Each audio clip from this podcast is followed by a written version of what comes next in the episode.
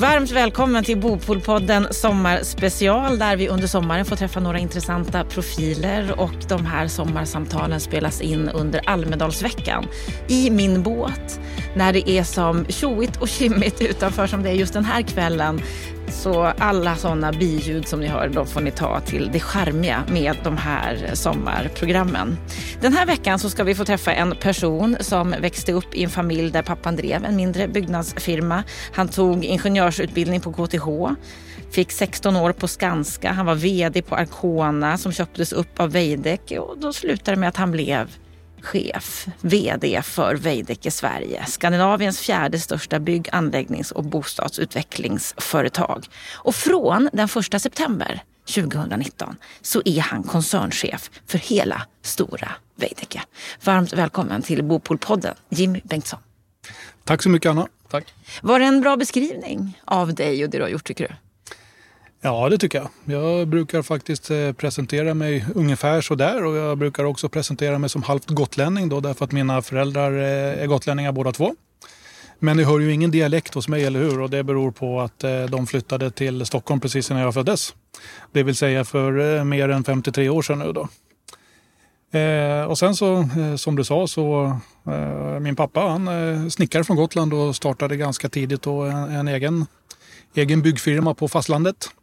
Så eh, jag är eh, mer eller mindre uppväxt eh, på ett byggprojekt brukar jag säga och det är ju till och med nästan sant faktiskt. Mm. Var, det, var det givet att du skulle gå samma bana? Ja, det blev nog det till slut. Ganska tidigt faktiskt efter grundskolan då när man skulle börja välja hur, hur gymnasieinriktning och resten av, av yrkeslivet skulle se ut så tänkte jag att jag ska nog gå bygg och anläggning och bli snickare. Vet du. Då får man ju snabbt komma ut och jobba och, och tjäna pengar här utan så stort uppehåll. Så det var den första planen men eh, det tyckte inte mina föräldrar kanske var den allra bästa idén då. Så då slutade det med att jag gick eh, både gymnasium och, och KTH så småningom. Då. Och det här med att du tar den här chefsbanan, har det varit självklart? jag har aldrig tänkt på det som att det är någonting som jag vill eller, eller måste göra. Men man minns ju en del saker eh, från, även från tidiga åldrar. Då. Jag kommer ihåg att jag hade en gymnastiklärare som var intresserad av ledarskap när jag gick på grundskolan. Eh, han hette Leif Bolling och var engagerad i basket faktiskt på den tiden. Jag undrar om inte han tränade Hammarby Basket. Eh, han sa till mig någon gång tidigt där att eh, Jimmy, du har liksom du har ledare i dig. Och vem vet, kanske sådana kommentarer tidigt i livet faktiskt ger lite självförtroende till vad man gör sen då. Vad tror du gör dig bra som ledare? Vad är det som gör att du passar som det? Som ledare så tror jag att en, en, liksom den allra viktigaste förutsättningen är att man ska tycka om människor och man ska tycka om att arbeta tillsammans med, med andra människor. Och, eh, jag fick frågan på Eh, jag hade en sån eh, introduktionsmöte kan man säga i Trondheim faktiskt i förra veckan då. Där det var ett eh, hundratal medarbetare på Veidekke och jag skulle berätta lite om mig själv och jag öppnade också upp för möjligheten att ställa frågor då runt mig eller runt, runt Veidekkes framtid. Och då fick jag frågan vad, hur jag ser på ledarskap och liksom vad, vad som triggar mig i den, i den rollen som ledare. Och, och svaret då som nu det blir att de gånger i karriären när, man, när jag har hamnat liksom i, en, i en situation där, där jag har ett gäng människor och, och, kollegor och medarbetare runt mig som man känner att man liksom, vi gillar varandra. Vi tycker om att göra bra saker ihop och man kanske har utvecklats tillsammans. Och jag kanske har varit med och anställt några av dem och utvecklat dem. Och då kan jag få som lite, vad, vad sa Gunde Svan, få lite liksom ståpäls och nackårsresning och känna att nu känns det riktigt bra. Eh, och någonstans där så tror jag att ett bra ledarskap startar. Man säger ju att en bra ledare är den som får andra att följa sig. Är du duktig på att få andra att göra och gå de vägar du tror är rätt? Ja, det kan man väl inte fråga andra om då, men eh, ja. Det kan nog faktiskt vara eh, mer och mer komplicerat, liksom, desto fler då man, man är satt att leda. Men eh, kan man i en organisation få sådant ledarskap och, och genomsyra verksamheten och trilla hela vägen ner då så eh, är det säkert en, eller det är en framgångsfaktor för en stor organisation. Och nu har du tackat ja till rollen som koncernchef för hela Veidekke. Varför tackar du ja till det? Jag kunde inte säga nej. var det det att du inte tilläts att säga nej eller var det så att du kände att det var för attraktivt att ta rollen? Jag har ju ställt mig själv frågan men till slut är det så att liksom, nej, men det är för spännande för att liksom inte, inte hoppa. Låt mig läsa högt ifrån pressreleasen där det annonserades att du skulle bli koncern-vd. Då skriver man så här. Vi är mycket glada över att Jimmy har tackat ja till jobbet som koncernchef för Veidekke.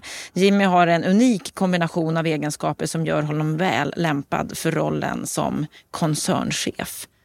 Vad är det för egenskaper som är en unik kombination tror du?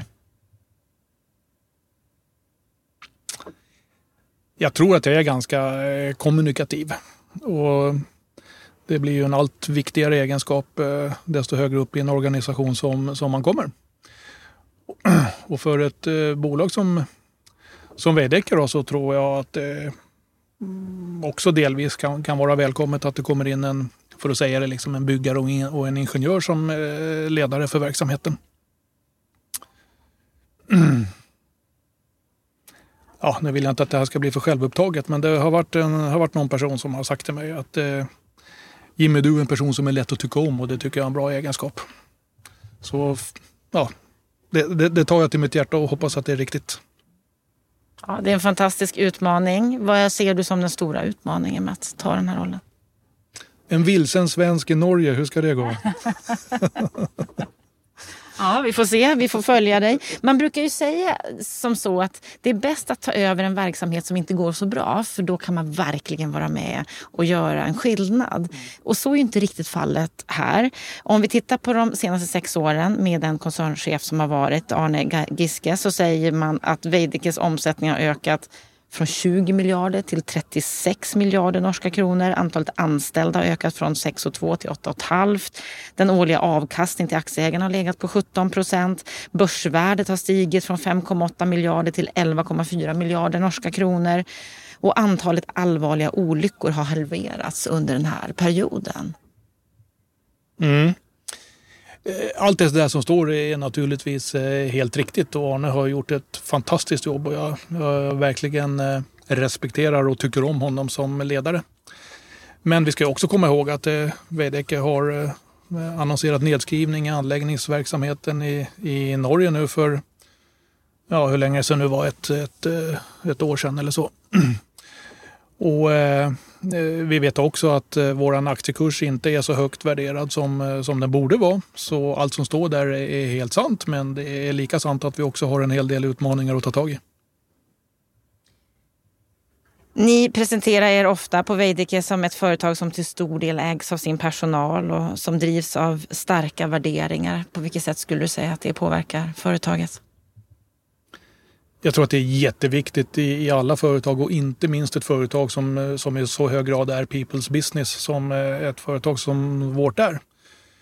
Och, eh, nu har jag sammanlagt varit på Veidekke i eh, fem och ett halvt år blir det. När Veidekke då köpte, eh, förvärvade företaget Arcona som jag var chef i. Och rollen som Sverigechef fick jag ha i tre och ett halvt år då nu innan jag, innan jag kliver på det här nya uppdraget. Eh, så även fast jag inte har bytt jobb eh, mer än en gång på riktigt eh, tidigare i mitt arbetsliv så har jag ändå en väldigt stark känsla av att Veidekke är ett företag där värderingarna är på riktigt. Och det är inte bara jag som säger det utan många andra som kommer in och, och kanske temporärt besöker Veidekke eller är, är hos oss under en tid säger samma saker att Veidekke är ett företag där där, där värderingarna är en del av det dagliga samtalet i organisationen. Jag tror det är jättestarkt och det är någonting som vi verkligen ska bygga vidare på. Vad är det som är speciellt med era värderingar? De har sin grund i att vi, jag menar de är ju preg säger vi, alltså professionell, redlig och eh, entusiastisk och gränsesprängande. Men i botten finns det där med att Veidekke är ett företag liksom som gör rätt för sig men som samtidigt är utvecklingsdrivna och som, eh, som jag många gånger också förutom det här med det, här med, med det innovativa så kan man ju översätta det också till hållbarhet i att göra rätt för sig. Och, eh, personligen så tycker jag också att det är väldigt viktigt att vara och utvecklas till att bli ett företag som eh, driver frågorna runt en sund, sund och seriös eh, byggbransch. Ja, och det är ett av de seminarier som ni har här i Almedalen bland annat. Att hur ska vi få en sundare byggbransch? Mm. Och här finns det ju en del utmaningar. Vad skulle du säga är, är den största utmaningen när det gäller det? Ja, byggbranschen är ju väldigt eh, fragmentiserad. Det är ganska låga eh, trösklar liksom för att komma in och börja driva eh, business i den här branschen. Och nu under flera års eh, tid så har vi också fått en ökad internationell konkurrens, då, inte minst på, på anläggningssidan. Och eh, lägger du ihop det där alltså, så är det, liksom, eh, det är öppet för en hel del opportunism. Liksom. Man kastas in här och försöker och man kanske inte har man kanske inte gör det med det här långsiktiga samhällsbyggnadsperspektivet för att liksom vara en del av att eh, bilda både en, en hållbar stadsutveckling såväl som en hållbar social utveckling. Och jag skulle säga att de, mm, de problemen har blivit allt tydligare de senaste tio åren för mig. Och vad kan vi göra åt dem? Ja, vi, vi som jobbar som eh, nu jobbar vi både, både som entreprenörer i olika former men även då som bostadsutvecklare och, och stadsutvecklare så att säga. Och vi kan ju driva våra frågor starkt. Men det vill faktiskt till att, eh, att alla eh, kunder och inte minst de stora offentliga och institutionella, liksom lite, lite eh, stora och starka återkommande eh, kunderna uppskattar företag som vill driva de här frågorna. Så att det blir en, en konkurrensfördel som ett företag för Veidekke. Därför att eh, i den, i den allra liksom yppersta priskonkurrensen så vinner vi ju inte med ett företag som eh, ser mellan fingrarna på ett annat. Mm. Eh, och det här måste ju vara en enorm eh, utmaning också när det gäller att det kommer in konkurrens utifrån, ifrån andra länder som kanske inte har samma eh, krav på att lönerna ska ligga på en speciell nivå och så vidare. Hur, hur, hur, tänker man här i branschen när det gäller upphandling och så vidare, där man inte bara kan gå på pris? Finns det några tankar på inte vet jag, lösningar när det gäller det här? Jag är ute och pratar om det här en del i, i, ja, i olika offentliga sammanhang och då vill jag liksom först lägga fast att Veidekke är ett företag som vi, det är klart, självklart att vi accepterar att det finns konkurrens oavsett om den är inhemsk eller, eller kommer utifrån. Det, där kan vi aldrig vara en dålig, dålig förlorare och inte vilja ha konkurrens. Det är inget fel på det. Men eh, det vi måste eh, se till och det är ju att, det är ju liksom att, att själva göra vår röst hörd. Eh, faktiskt marknadsföra att vi är ett företag som agerar på det här sättet. Så att, som jag var inne på tidigare, alla, eh, alla de som vill köpa den typen av av tjänster som ett företag som Veidekke erbjuder uppskattar att eh, tillsammans med oss driva eh, god och hållbar samhällsutveckling. Där tror jag den största saken ligger. Det vi, vi, vi, vi kan göra saker själva, det, det, gör vi och det ska vi fortsätta göra. Eh, men hela vår omgivning måste också Eh, gilla det, det som vi gör. En annan sak som branschen ju brottas med är den speciella kulturen, att det finns en machokultur inom byggbranschen. Man kunde se att det blev en liten förbättring i med metoo eller spiken i kistan som, som det hette inom, inom bygg. Men sen så är det flera som vittnar om att nej, men det där den gav ingen större effekt på längre sikt utan vi är tillbaka i samma kultur. Hur, hur ser du på, på, på det här? Ja, det finns bara en lösning och det är att se till att vi eh, ökar mångfalden då, inte minst eh, eh, genus då manligt kvinnligt. Därför att det måste upp, alltså den könsfördelningen om vi uttrycker och så, den måste snabbt upp till en kritisk massa som gör att det problemet kommer att försvinna av sig självt. Då. Tror du det? Kommer det försvinna om man anställer fler tjejer? Ja, det tror jag. Men det går inte att anställa en kvinna och lämna henne ensam ute på en eh, ny byggarbetsplats. Utan Ehm, då är det antagligen en, en bättre lösning att, eh, så att säga, börja med arbetsplatser där man försöker få en jämnare könsfördelning redan från början. Och på så vis liksom bygga bevisen för att det är bra. Jag har ett exempel här om du vill höra. Det var ett projekt som vi hade. Vi skulle bygga en eh, skola söder om Stockholm. Vi hade en, eh, en kvinnlig platschef där. Och hon ordnade ju då till arbetsplatsen så att den skulle vara lika välkomnande för kvinnor som för män. Eh, och så gick det en tid och, och ryktet började sprida sig om vilken typ av arbetsplats det där var. Så helt plötsligt så hade vi eh, många kvinnliga målare, många kvinnliga eh, rörmokare och så vidare. Så eh, där man uppnår, jag hävdar det, där man uppnår kritisk massa så liksom drivs utvecklingen sen av sig självt. Och de, eh, många av de män man, man pratar med som så att säga har, har sett både arbetsplatsen med, med bara män och som också har liksom sett och varit med på arbetsplatser där det även finns många kvinnor, de vittnar ju om en... De, de, de är tydliga med vad de helst väljer att vara då, om jag säger så. Mm. Men det går ju inte fort.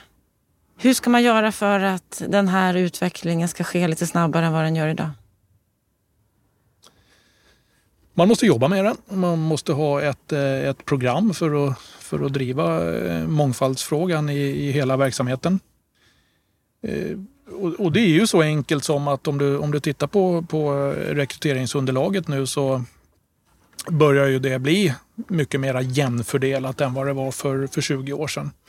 Och det vill säga om inte vi åtminstone rekryterar liksom samma procentfördelning som finns i, i rekryteringsunderlaget då har vi ju någon slags förutfattad mening om, eh, eller jag ska inte säga förutfattad, utan en, en, en bakomliggande mening eh, som man, bias brukar det kallas för.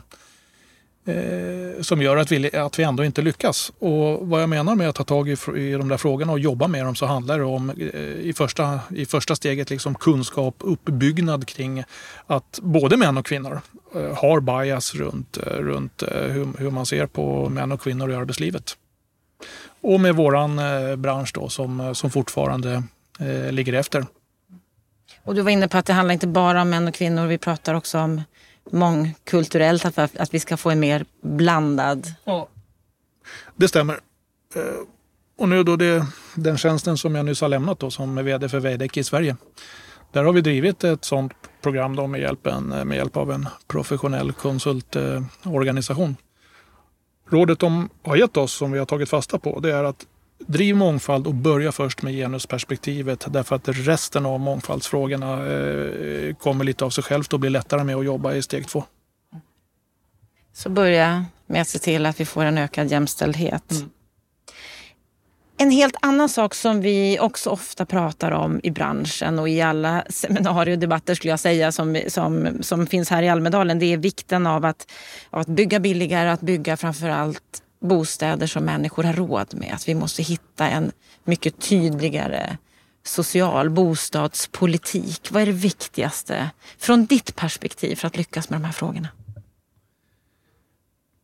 Tänker du social bostadspolitik eller tänker du bygga billigt? Eller ja, nu var det två frågor igen. Ja, du har helt rätt i det. Mig ja, det är för mycket. Om vi börjar då med, med vikten av att, vikten av att, av att vi börjar med det. Vikten av att bygga billigare. Av att se till att, att vi får eh, bostäder som ligger lite lägre i pris. Att vi, vi får bostäder som folk har råd att köpa. Mm. Ja, den första sanningen är ju att alla bostäder som byggs de, liksom, de, de säljs ju till, eh, till ett marknadspris. Och eh, då har ju eh, sen en, alltså, då har det uppstått en situation att det här liksom, kostnaden för att, för att bygga helt plötsligt blir eh, för hög för att kalkylerna ska gå ihop då så att marknadspriset täcker inte kostnaderna plus vinst. Och Eh, man har kunnat eh, se och, och, lyssna på NCC och sen Bonava några gånger och det, det verkar som att eh, Tyskland faktiskt är ett väldigt bra exempel kring där detaljplaneprocesserna och bygglovs, alltså myndighetsprocesserna går, går väldigt fort och där man inte krånglar så mycket med, med utformningen på eh, bostäderna utan det har kunnat bli ett väldigt standardiserat eh, byggande. Så eh, det är ju dit vi, det är ju dit vi måste. Alltså det, ska ju, det ska ju fortfarande byggas en, en vacker stad men eh, vi måste helt enkelt tänka mycket mer industriellt på hur vi producerar eh, bostäder. Och eh, när marknaden förändras kraftigt så skulle jag också säga att det måste bli mera snabbfotat i hur man faktiskt kan förhandla om då de underliggande markpriserna som ju är en väldigt stor del av den totala kostnaden. Hur mycket billigare tror du att vi skulle kunna bygga om vi var mer industriella och lyckades mer med markfrågan? Ja, ledigt 30 eh, procent. Du tror det? Ja, det För många i branschen menar att det går inte. Nej, men det är jag helt säker på. Och Och vad är det då? För du har ju, varit, du har ju bland annat varit ute och pratat om att man skulle kunna införa skift på byggen. Står du fast vid det fortfarande? Ja, det gör jag. Det finns ju en hel del eh, om man ska kalla det för produktivitetsfrämjande åtgärder nu. Och nu, nu lämnar vi ju det här med detaljplaneprocesser och markpriser då om vi koncentrerar oss på resterande del av eh, produktionskostnaden som ju är då själva, själva produktionen. Så om vi jämför oss då med fast industri så eh, är man en fast industri då har man ju en fabrik i någon form och sen så producerar man det man, det man gör där. Men varje gång vi sätter upp ett nytt byggprojekt så sätter vi också upp en tillfällig fabrik. Men det vanliga är ju sen att vi resursutnyttjar den här tillfälliga fabriken 40 timmar i veckan. Det är ju en oerhört låg eh, grad av resursutnyttjande om vi jämför oss med vilken annan fast industri som helst och tjänsteindustri också för den delen.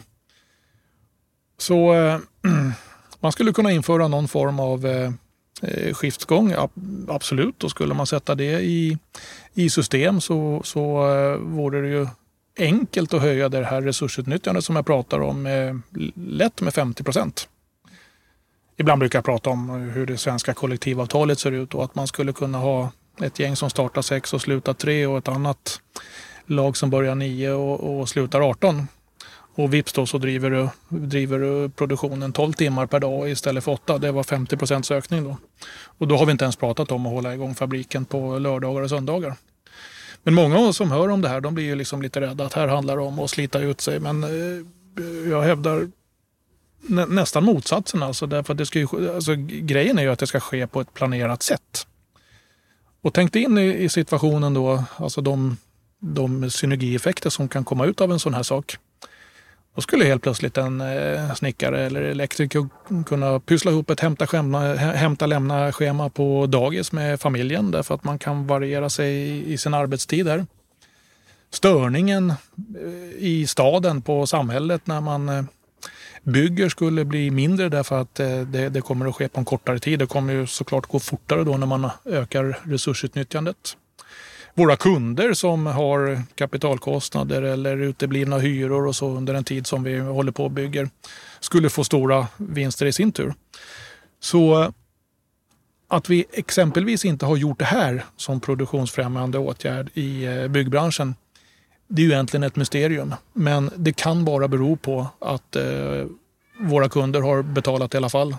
Trots att vi har har och driver projekten på ett sätt som uppenbarligen tar längre tid och är dyrare. Och då låter det som att ni faktiskt lurar dem. Nej, det gör vi absolut Alltså det jag menar med ja. att ni kan göra det billigare. Ni kan göra det snabbare, men ni gör det inte. Nej, på det sättet är det sant. Och, eh, nu har ju nu har ju inte jag faktiskt jobbat som byggherre liksom, eller, eller kund på det viset. Jag har ju varit entreprenör mer eller mindre hela, hela min yrkeskarriär. Och när man, det här låter som en väldigt enkel förändring och i, i, i, i teorin är det ju det men i, i, praktiken så ska vi ju ställa om en hel bransch till att sätta igång och göra något som man inte har gjort förut. Och eh, att få draghjälp av en stark kund som vill ställa det här kravet och utforma sådana här eh, villkor tillsammans med oss för att få fart på utvecklingen. Det skulle göra nytta och det, det har jag pratat och vill gärna prata mer om tillsammans med viktiga kunder för Veidekke. Ser du någon ljusning? Finns det någon möjlighet att det kan bli något sånt här projekt? Ja, det tror jag. Absolut. Det, vi har, I i Veidekke så har vi ju en väldigt god relation med, med våra eh, förtroendevalda. Och så jag har ju pratat med, med dem och frågat hur de skulle se på en sån här sak. Och det är egentligen, egentligen, är det, egentligen är det öppna dörrar. Därför att eh, de flesta inser ju att eh, det här skapar konkurrenskraft för Veidekke. Och då, ser man det då är man gärna beredd att eh, gör, dra sitt strå till stacken. Och när det gäller detta med eh, stigande byggkostnader, att eh, bostäderna blir dyrare, många menar att det är en effekt av bristande konkurrens. Finns det oligopolproblem i branschen? Jag brukar säga nej på den frågan och så brukar jag reflektera över att vad, vad är det nu som har gjort att produktivitetsutvecklingen är låg och att byggkostnaderna stiger mer än andra producentprisindex. Eh, och ett svar är ju att eh, byggbranschen inte har behövt eh, utveckla sig och öka produktiviteten därför att kunderna har haft råd att betala för det vi gör i alla fall. Men någonstans där bakom, eh, eh, trots att jag under hela min yrkeskarriär liksom haft eh, eh, ja, fightas för att få hem uppdragen med en mängd konkurrenter. Så undrar jag om, om det ändå inte någonstans eh, handlar om att, att konkurrensen borde öka. Men jag tycker att den här konkurrensen borde öka på ett annat sätt än den projektvisa eh, lägsta prisupphandlingen som har varit tradition i branschen över väldigt lång tid. Jag tror faktiskt att tricket eh, handlar en del om specialisering och ganska mycket om hur kunderna väljer att, att långsiktigt handla upp sina leverantörer. Om nu då Veidekke skulle vara en sån leverantör. Och där man bestämmer sig för att nu ska vi inte bara göra ett projekt tillsammans och ni ska göra det till lägsta tänkbara pris i konkurrens med, med en massa andra. Utan vi ska tillsammans arbeta över tid och, och ni som leverantör till oss som kund, ni ska veta att eh, vi ska jobba tillsammans över två år, tre år, fem år. Och, vi ska göra ungefär samma typ av produkter och projekt och vi ska mät, tillsammans mäta våran, våran prestationsutveckling under den tiden. Det tror jag skulle skapa, det är ju också konkurrens, men det skulle skapa den utveckling vi vill ha till skillnad från då den traditionella lägsta prisupphandlingen i projekt för projekt. Var tror du att vi befinner oss om tio år? Vart är branschen då? Jag tror att det har hänt eh, mycket inom eh, digitalisering. Jag är inte så säker på att vi kommer se väldigt många robotar ute på projekten. Det tar nog ytterligare eh, ganska lång tid. Men digitala verktyg i alla möjliga former som ökar liksom förberedelsen och planeringsgraden och uppföljningen i projekten, det tror jag vi kommer se mycket av. Mm. Så att eh, branschen kommer att moderniseras, att förnyas på många sätt. Om vi då tittar på det jag var inne på lite tidigare när det gäller den sociala bostadspolitiken. Vad skulle vi behöva från politiskt håll för att branschen skulle utvecklas åt rätt håll så att vi får det samhälle vi behöver? Ja, att, att, att vara företagare i, i bostadsmarknaden det är ju förknippat med stor politisk risk har vi ju lärt oss. Det går ju upp, upp eh, som en sol och ner som en pannkaka. Eh, men jag tycker förvisso att, eh, det, att det var nödvändigt att göra någonting åt eh, bostadsbranschen. Eh, och, och, och, då tänker jag speciellt på den fullkomligt formidabla prisutveckling det var på, på bostäder under, under väldigt, väldigt lång tid. Det var naturligtvis inte, inte hållbart. Eh, jag tycker också att det med en amorteringskultur är bra. Jag minns själv när jag skulle köpa, eh, när vi i familjen skulle köpa vårt första radhus eller vår, vår, vår villa. Det var ju aldrig tal om att, eh, att man skulle få göra det helt utan att amortera för sig. 40 år var ju liksom det grundläggande kravet på den tiden. Så allt det där tycker jag är bra, men det som nu har hänt eh, där, det, där politiker och myndigheter och banker har vidtagit åtgärder i ett gott syfte att dämpa prisutvecklingen men på ett sätt som helt och hållet stänger ute eh, de unga och andra kapitalsvaga grupper från eh, bostadsmarknaden. Eh, det är ju något grundläggande fel i det. Och eh, jag kan inte se någon annan lösning egentligen att, än att man eh, går in och, och stöttar efterfrågesidan och då koncentrerar sig på de grupper som ska göra sitt eh, första inträde på bostadsmarknaden. Att det blir tydligare från politiskt håll att stödja de som är ekonomiskt svaga? Ja, eh, att, att, lägga, att lägga insatserna där, där problemen finns. Och just nu är ju problemet att unga par kan vara välutbildade och ha fasta jobb eller liksom andra grupper som av en eller annan anledning inte har så mycket kapital att röra sig med. Att nu låta det gå väldigt lång tid innan de faktiskt får en första möjlighet att, eh, att komma in på den ägda bostadsmarknaden, det kommer vara väldigt dåligt på lång sikt. Nu lämnar du, eller du lämnar ju inte den svenska marknaden, men du kommer att ha ett mer eh, koncernövergripande perspektiv. Vad kommer du vilja förändra med Veidekke? Oj, den där programförklaringen hade jag ju tänkt eh, vänta med en stund då, tills jag har sett och förstått och fått eh, prata med alla som jag behöver prata med. Kanske det blir lite lite slogan över det, men att, att göra Veidekke till ett eh, väldigt starkt och respekterat företag som eh, kommer att göra nytta både för samhället och aktieägarna över decennier framöver. Det är ju ett mål och, och, och vi ska göra det på vårt Veidekke-vis som innebär stor respekt för människan och utveckling av alla våra medarbetare och, och ledare i koncernen. Och med, med högt kundvärde alltså. Sikta på att eh, den viktigaste saken för, för en långsiktigt eh, bra verksamhet det handlar om att ha nöjda kunder. Men innan det är dags att göra den där programförklaringen på riktigt då, så är det sommar och du trivs att vara på Gotland. Jag har hört att du har byggt ett otroligt läckert designhus på ön här. ja, det är i alla fall annorlunda och speciellt. Så visst, jag trivs på Gotland. Och vi har byggt ett hus som eh, både ansluter till den eh, traditionella gotländska byggmetoden som man kallar för bulhus, men som också har ett, ett väldigt modernt uttryck. Men det är också ett väldigt enkelt hus med väldigt få material. Så eh, jag skulle inte säga exklusivt, men, men speciellt och designat. Kommer du tillbringa sommaren här? Ja, det kommer jag göra. Så många veckor som det nu kan bli när jag ska också lyckas förbereda mig för min nya roll. Jag har förstått också av en av Bopolspoddens expertkommentatorer att du gärna spelar golf, att han gärna utmanar dig i det. Lyckas han med det? Ja, du menar, du menar vår kollega Lennart Weiss med, med en av Sveriges mest långsamma eh, golfsvingar? Ja, det händer ju att han gör det för han är, han är faktiskt väldigt duktig på att koncentrera sig på de viktiga slagen. Men han vinner inte varje gång. Då får vi önska dig lycka till i de där slagen framöver i sommar. Stort tack för att du gästade Bopolpodden. Tack så mycket Anna. Och med de orden så önskar jag dig en riktigt trevlig vecka. Missa inte att lyssna på Bopolpodden hela sommaren. Vi hörs om en vecka igen.